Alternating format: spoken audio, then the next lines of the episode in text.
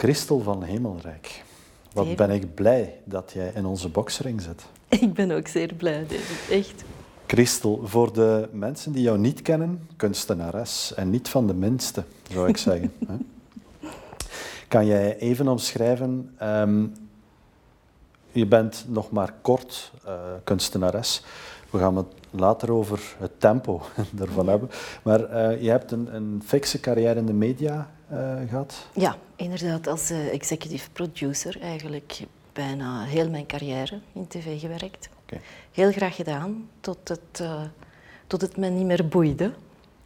Ja, in 2017 is er voor jou een groot keerpunt gekomen in jouw carrière. Klopt. Hoe um, ben je bij schilderen terechtgekomen? Dat was eigenlijk puur toeval. Ik uh, wou uh, iets anders gaan doen, geen tv meer, maar dat bleek eigenlijk helemaal niet zo evident te zijn. Ik was toen al 50 en uh, blijkbaar in deze maatschappij, één keer 50, vinden ze het een beetje gek dat je nog van carrière verandert. Ik vond ook niet echt meteen iets. En ik ben eigenlijk beginnen schilderen om mijn zinnen te verzetten. Um, ik deed het graag, ik vond het plezant en ik ben toevallig eigenlijk kunstenares geworden. Ik ben gewoon verf en doeken gaan halen, beginnen schilderen en um, dat ging eigenlijk ja, redelijk vlot en redelijk snel. Hoe begin je aan zoiets? Ga je letterlijk naar de winkel, koopt u een paar potten ja. verven? Ja, Toch? ik ben echt letterlijk naar de winkel gegaan, een ezel gekocht, eh, doeken gekocht, kleinere doeken in het begin, verf gekocht en beginnen spelen. Dat was ook, dat was ook uh, ja, dat was niet de bedoeling om daar mijn, mijn beroep van te maken. Dat was uh, echt puur uh, ja, om mijn verstand niet te verliezen. Want ik kwam van een, een heel druk leven, heel drukke carrière ook een stevige vlucht genomen in die carrière. Altijd druk bezig, eigenlijk geen sociaal leven. Of je sociaal leven speelt zich af op het werk. Eén keer dat dat wegvalt, valt alles ineens weg. En ik had iets nodig om, zoals ik zeg, mijn verstand niet te verliezen. En dat is dan dat schilderen geworden. Oké.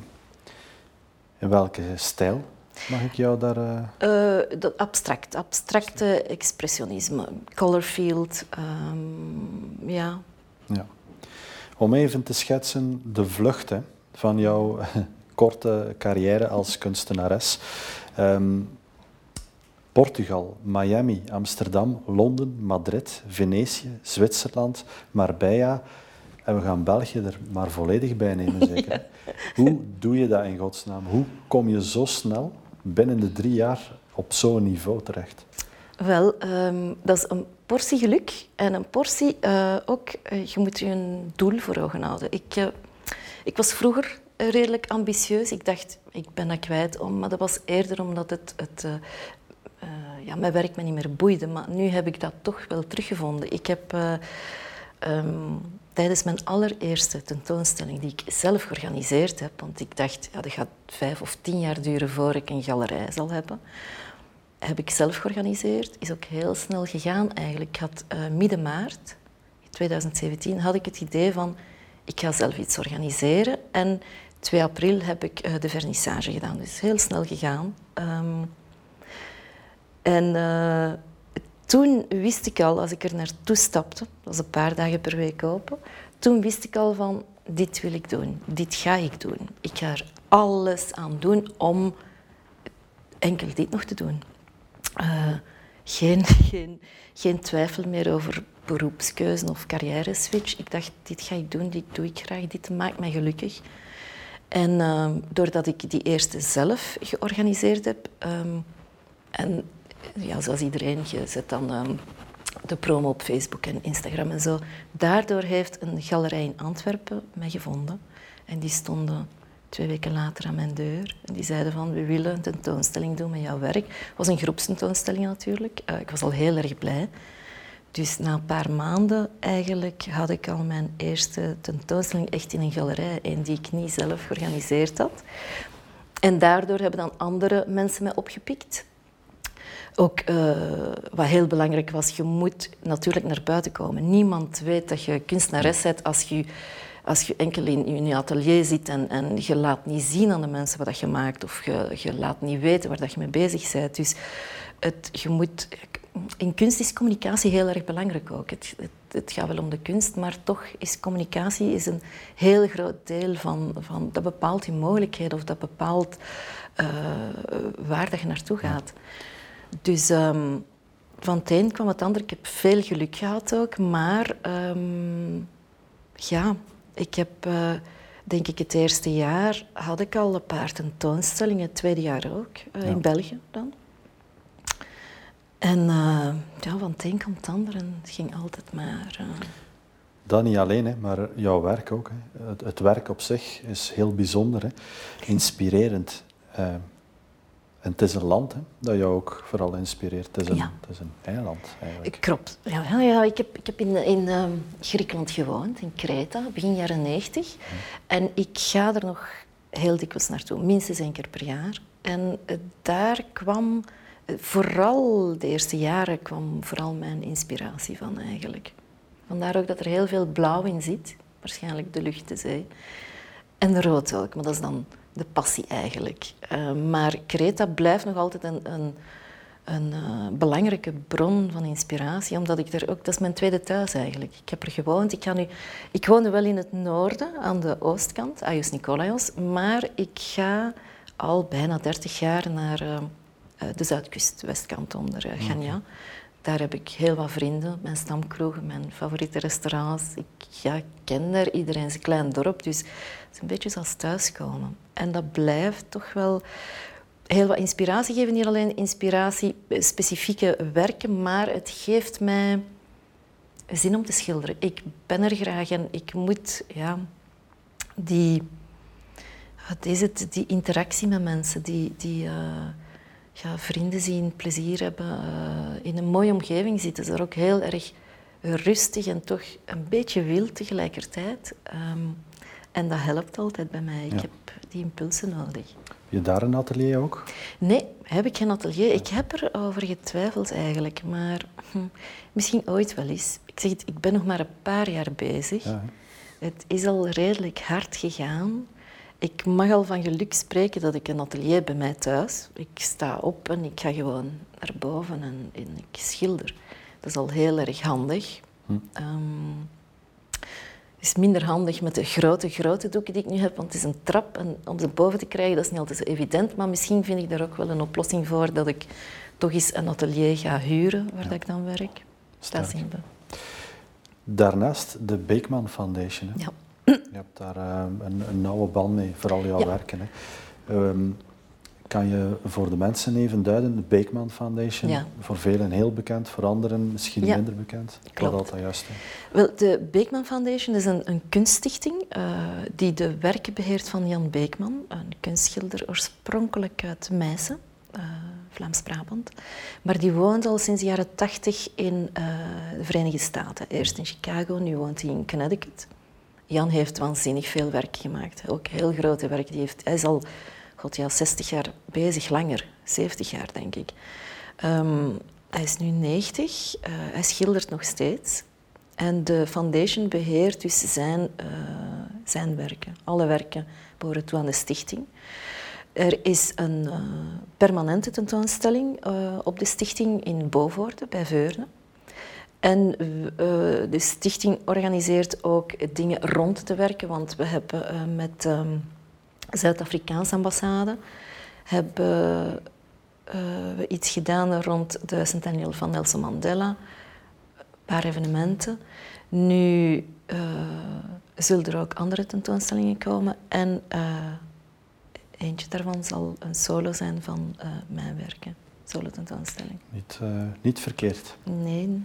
we gaan het even hebben over de kunstensector op zich. Hè. Um, COVID-19, mm. een klap voor iedereen ondertussen.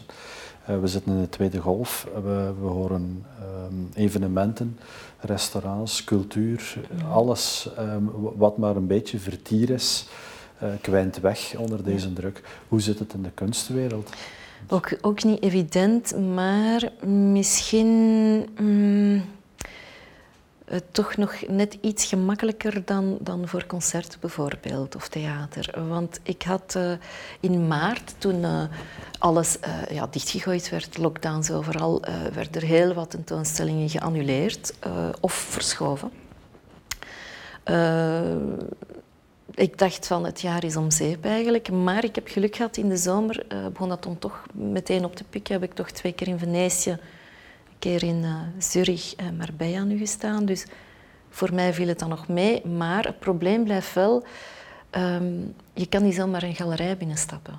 Kan niet zomaar langskomen en eens gaan kijken. Dus het systeem is ook heel anders. Of je moet online registreren en dat is dan een heel gedoe er rond. Dus veel minder mensen gaan ook effectief kijken naar de kunst. Dus de verkoop is sowieso minder. Dat heeft een serieuze invloed op, op uh, de cijfers je kunt je werk wel laten zien, maar het is toch niet hetzelfde. Er zijn heel wat online tentoonstellingen nu. Al veel galerijen beginnen daarmee, maar ik vind toch, je moet dat beleven, je moet ervoor staan. Het is toch nog iets anders, een foto of een site, dan dat je echt in een galerij of in een museum zit. Het heeft een zeer grote invloed gehad op mij persoonlijk, omdat ik um, twee maanden thuis zat, alleen, helemaal alleen. Dus geen contact met mensen, geen... Ja, je hebt wel een gesprek, je kunt wel een, videocall doen, maar dat is toch niet hetzelfde dan iemand zien, daarmee praten, daar een avond mee doorbrengen, plezier maken, vastpakken. Geen lichamelijk contact, niks. En bij mij heeft dat een, een heel zware invloed gehad in die zin dat ik tijdens die twee maanden dat ik thuis zat, en mijn atelier is thuis, heb ik niks geschilderd. Het kwam niet, ik had geen geen zin om te schilderen. Het, het, ging gewoon niet, het kwam er niet uit. Ik ben maar pas terug begonnen, één keer dat ik terug mensen zag en dat ik terug aan het reizen was. om maar te zeggen, het is toch heel belangrijk voor hem. Mentaal welzijn van de mensen, om toch dat contact te houden. En iedereen heeft het altijd wel over families of koppels of dit of dat, maar als je nu echt helemaal alleen thuis zit en dat duurt lang, dat doet echt wel iets met je mentale gezondheid. En veel mensen vergeten dat er toch redelijk wat singles ehm, zijn uh, die, ja, die ook altijd uit de boot vallen. Hè. Zeker met die restricties. Ja, je mocht één iemand zien, maar dat is dan... Allez, ja, het is allemaal niet evident. Ik denk, kunst en cultuur in het algemeen uh, heeft het heel erg zwaar, uh, deze periode. En ik vrees dat het nog niet snel zal gedaan zijn. Nu, ik ben wel terug aan het schilderen, omdat ik... Um, deze zomer serieus geprofiteerd heb van de mogelijkheid om te reizen. Ik had ook altijd een, een goed excuus. Ik had vernissages in het buitenland, dus ik ging ook altijd naar daar. Maar um, ja, ik, ik denk dat de cultuursector nog even uh, in, ja, zo ziet moeilijk water zit. Ik grijp even terug naar het digitale. Hè. Met de corona, eerste lockdown, is ook een, een, zeggen, een digitaal tijdperk opgestart. Binnen de technologiewereld, binnen heel wat sectoren is dat enorm. Je, je gaf het zelf al een stuk aan. Hè. Is dit verenigbaar met de kunstwereld? Ik vind van niet. Ik vind eerlijk gezegd van niet. Het, ik, ik, ik, snap het. Uh, er zijn heel wat collega's, kunstenaars, uh, die blij zijn. Ik heb het ook gedaan. Hè. Ik zit bij een... Uh, PR en marketing agency voor uh, kunstenaars. En die hebben mij ook een, een uh, moet ik zeggen, een, een digitale expo gegeven op hun website. We zijn wel blij dat ze toch die moeite doen voor ons, dat ons werk dan toch kan, kan, kan bekeken worden. Mensen kunnen het toch zien, ze kunnen het toch terugvinden, maar het is toch echt niet hetzelfde, vind ik. ik, als ik nu een, een zie op mijn scherm, op mijn laptop of, of eender waar, ik vind dat heel erg mooi, maar als ik voor een Rothko sta, wat die mens doet, dat doet toch nog iets heel anders met een mens dan gewoon een foto van. Je hebt nooit, heeft nooit dezelfde impact, vind ik. Dus ik vind dat digitaal, ja, dat helpt wel, uh, misschien een beetje, om niet helemaal vergeten te worden, zo gezegd, maar het, het, um, het geeft niet weer wat het eigenlijk echt is, vind ik. Ja. Dat is voor veel dingen. Het is niet alleen voor kunst, denk ik. Ik vind, uh, het is, het is een, een, hulpmiddel als je echt niet anders kunt. Maar ik denk dat de echte beleving toch veel belangrijker is. Ja.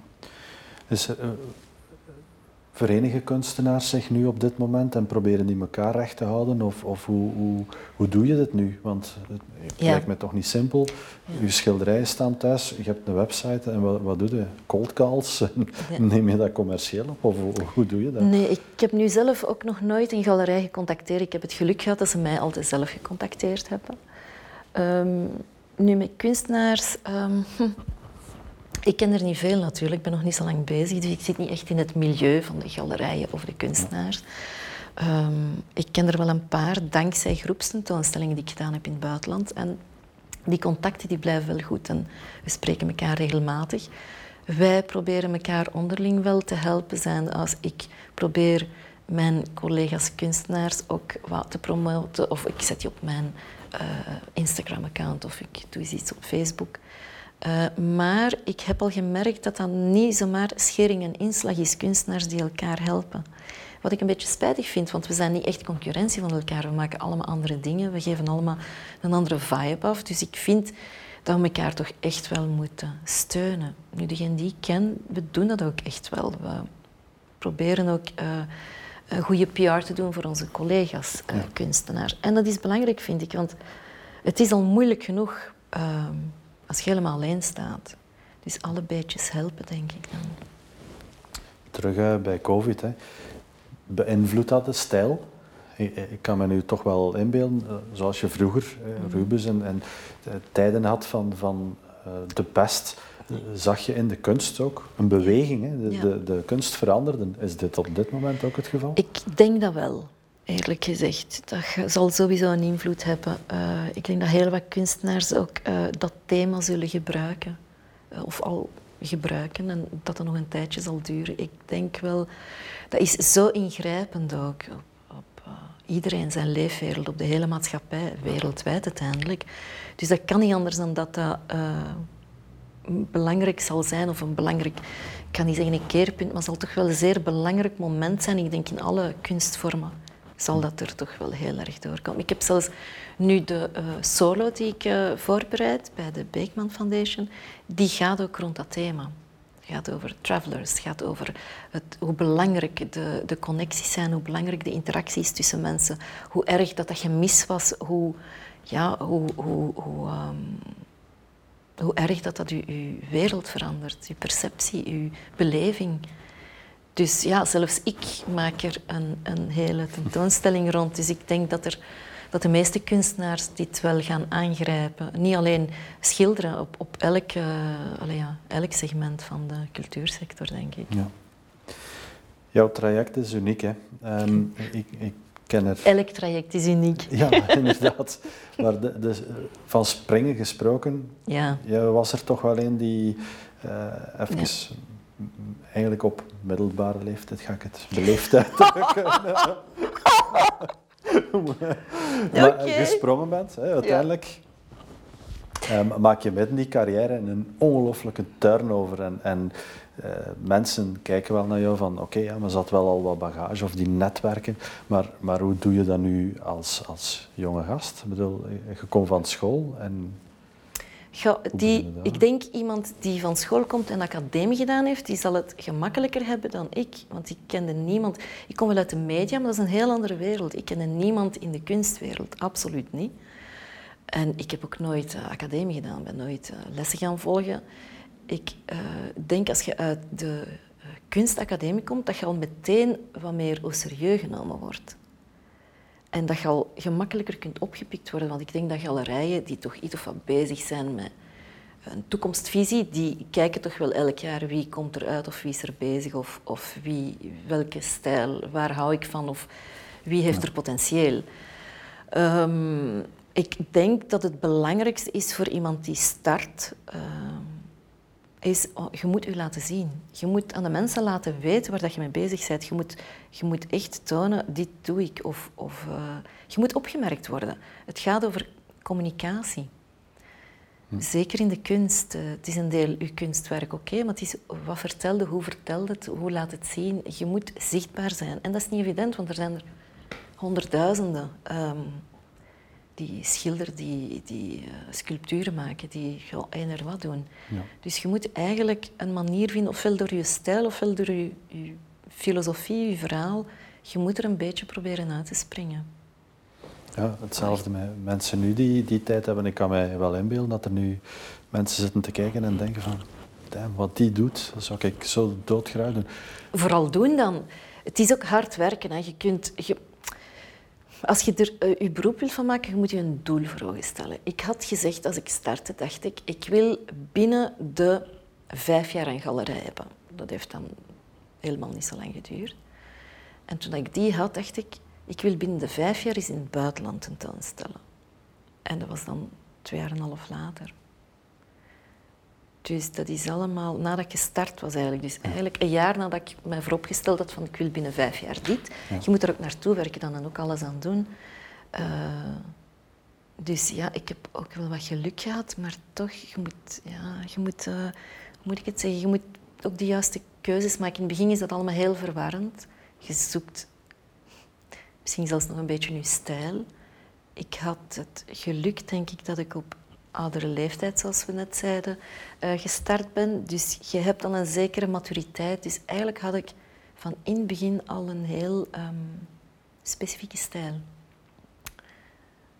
Dat was, echt, dat was echt al redelijk coherent eigenlijk. En nu, uh, als je iets heel herkenbaar hebt, dat helpt natuurlijk ook. Dan dat je echt nog in het begin zit te zoeken van hier naar ginder gaat en allemaal verschillende stijlen door elkaar. Ja, dat, dat is het ook niet natuurlijk. Je moet een beetje weten wat je wilt en, en ja, er serieus voor gaan.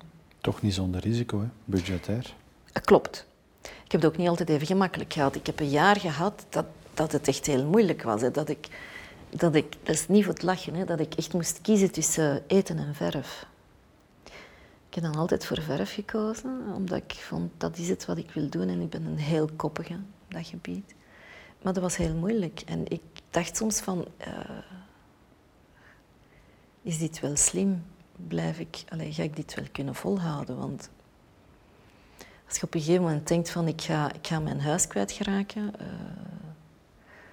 ja, dan moet je toch wel zeer overtuigd zijn van, van dit is mijn passie en dit ga ik toch proberen volhouden.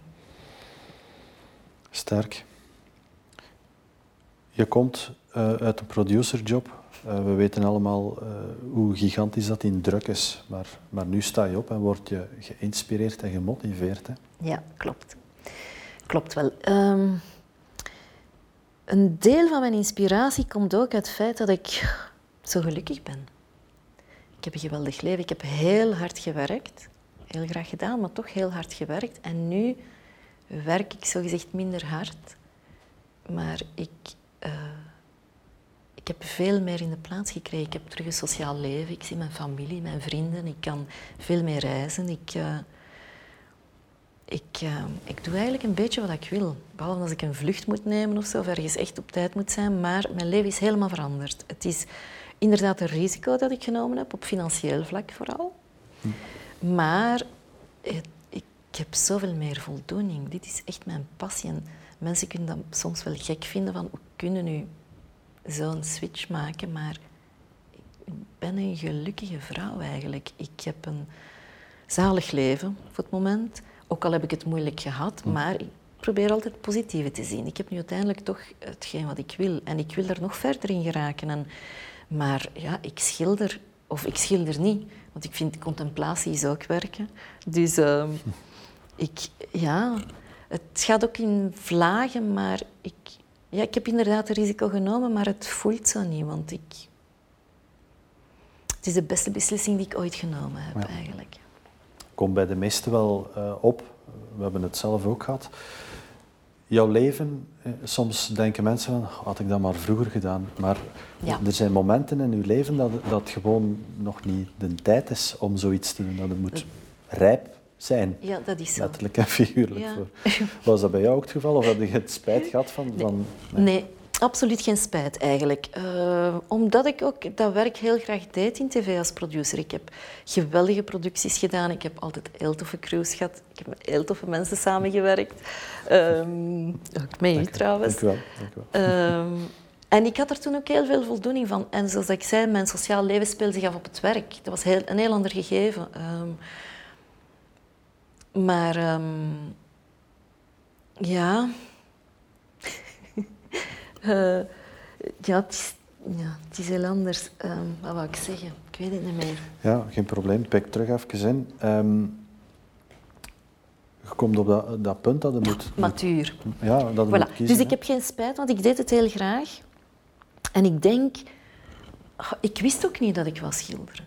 Dat is echt puur toeval. Dat is niet zo een, een meisjesdroom die ik nu aan het verwezenlijken ben. Absoluut niet, eigenlijk. Eh, ik... eh, goh, hoe moet ik dat zeggen? Was het een crossroad verhaal? Stond op Ja. het kruispunt van... The road less taken and it made all the difference. Ehm, ja, ik denk, moest ik nu twintig jaar geleden beginnen schilder zijn, dan had ik misschien ook niet zoveel geluk gehad. Of dan had ik dat misschien niet volgehouden. Het is misschien door wat het leven mij intussen al, al geleerd had, dat ik ehm, die volharding heb nu. En ik zeg, het is, het is puur toeval ehm, dat ik erin terechtgekomen ben. Maar ik denk dat het moment rijp was ook, inderdaad. Ja. Ja. Nee, ik heb geen spijt dat ik niet sneller gestart ben. Wat is jouw boodschap aan iemand die op dit moment aan, aan zo'n kruispunt staat? Hm. Ik denk als je... hm, Ik denk dat je angst moet overwinnen. Want angst is de slechtste raadgever, uiteindelijk. is heel moeilijk. Hè? Ik heb er ook last van gehad, dikwijls in mijn leven. Er zijn momenten dat je toch eh, bevangen wordt door de schrik voor je toekomst. Wat gaat er komen? Eh, Kan ik dit allemaal wel aan? Kan ik dit wel trekken? En, en in onze maatschappij gaat het dan eh, vooral over het financiële. Of dat je jezelf kunt eh, allee, behelpen. Dat je niet moet terugvallen op een of ander eh, systeem. Ik heb, ook, ik heb er goed over nagedacht, want ik heb ook geen, geen vangnet. Dus als er iets gebeurt, dan moet ik er zelf zien uit te geraken. Ik ben alleen, ik woon ook al heel lang alleen. Dus ik moet er echt voor zorgen dat ik, dat ik, dat ik, ja, dat ik het allemaal zelf kan redden.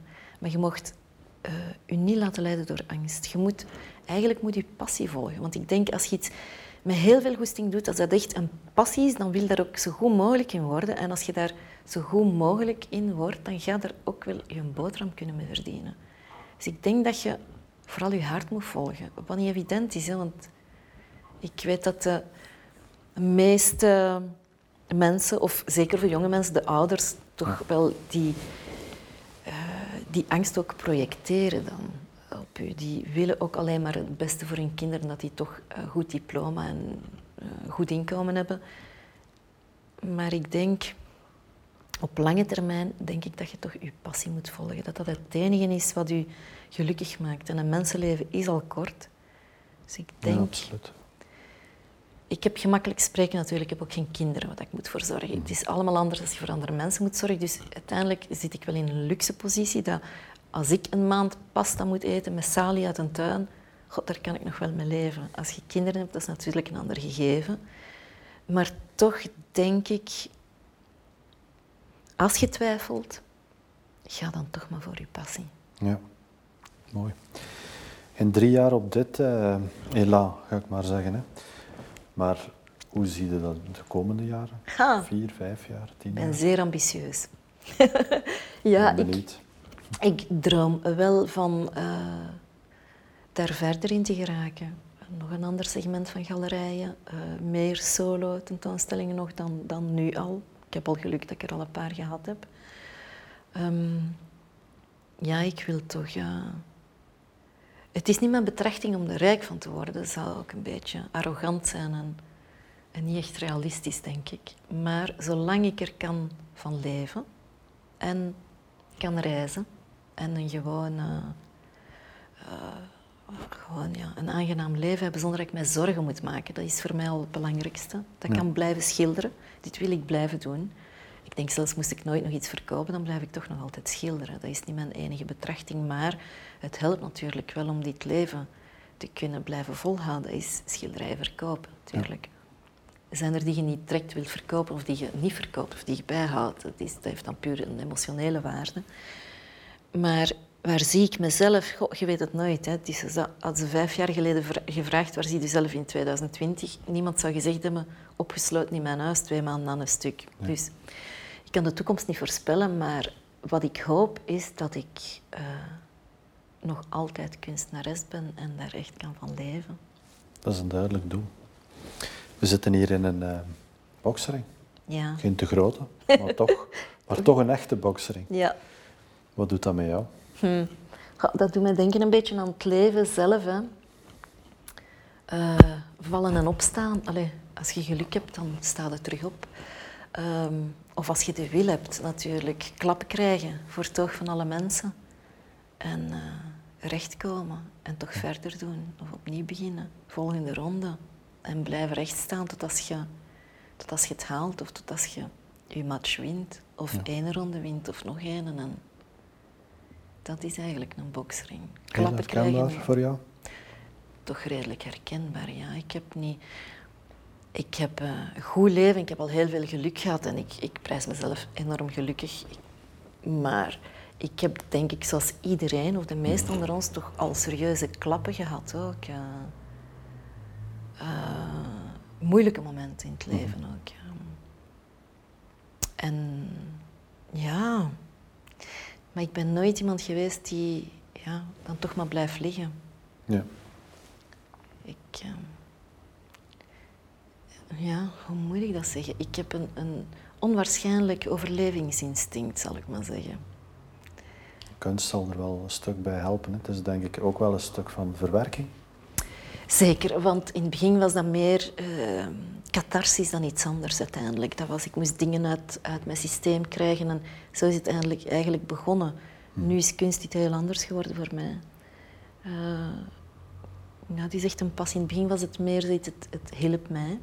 Moest ergens doorgeraken. Het was ook een heel moeilijk moment, een moeilijke periode. Want je hebt een carrière, een goede carrière, en je stopt daarmee. Je ziet het allemaal niet meer zitten. Je sociaal leven valt ineens ook weg, want dat speelt zich daar af op het werk. Dus je valt eigenlijk in een zwart gat. Ja. Daar heb ik het heel erg moeilijk mee gehad, maanden aan een stuk. En het is dankzij dat schilderen dat ik dat toch een beetje uit mijn systeem kreeg. Maar dat is nu helemaal, dat is, iets, dat is nu mijn beroep. Ik voel me nu ook kunstenares. In het begin was ik zelfs een beetje beschaamd om dat te vermelden op mijn Instagram-account. Ik dacht, ik kan dat toch niet maken? Ik ben net aan het schilderen, kunstenares. Dat is wel een beetje, amai, dikke nek. Wat. En nu voel ik me gewoon ook kunstenares. Dat is ook wat ik ben. Ik ga niet zeggen van, ik was vroeger executive producer. Nee, ik ben kunstenares. Ik voel dat ook zo aan. Dus... Dat is mooi. Mag ik jou veel succes wensen? Dank u. mooie toekomst. Jullie ook met de boksring. Dank u wel.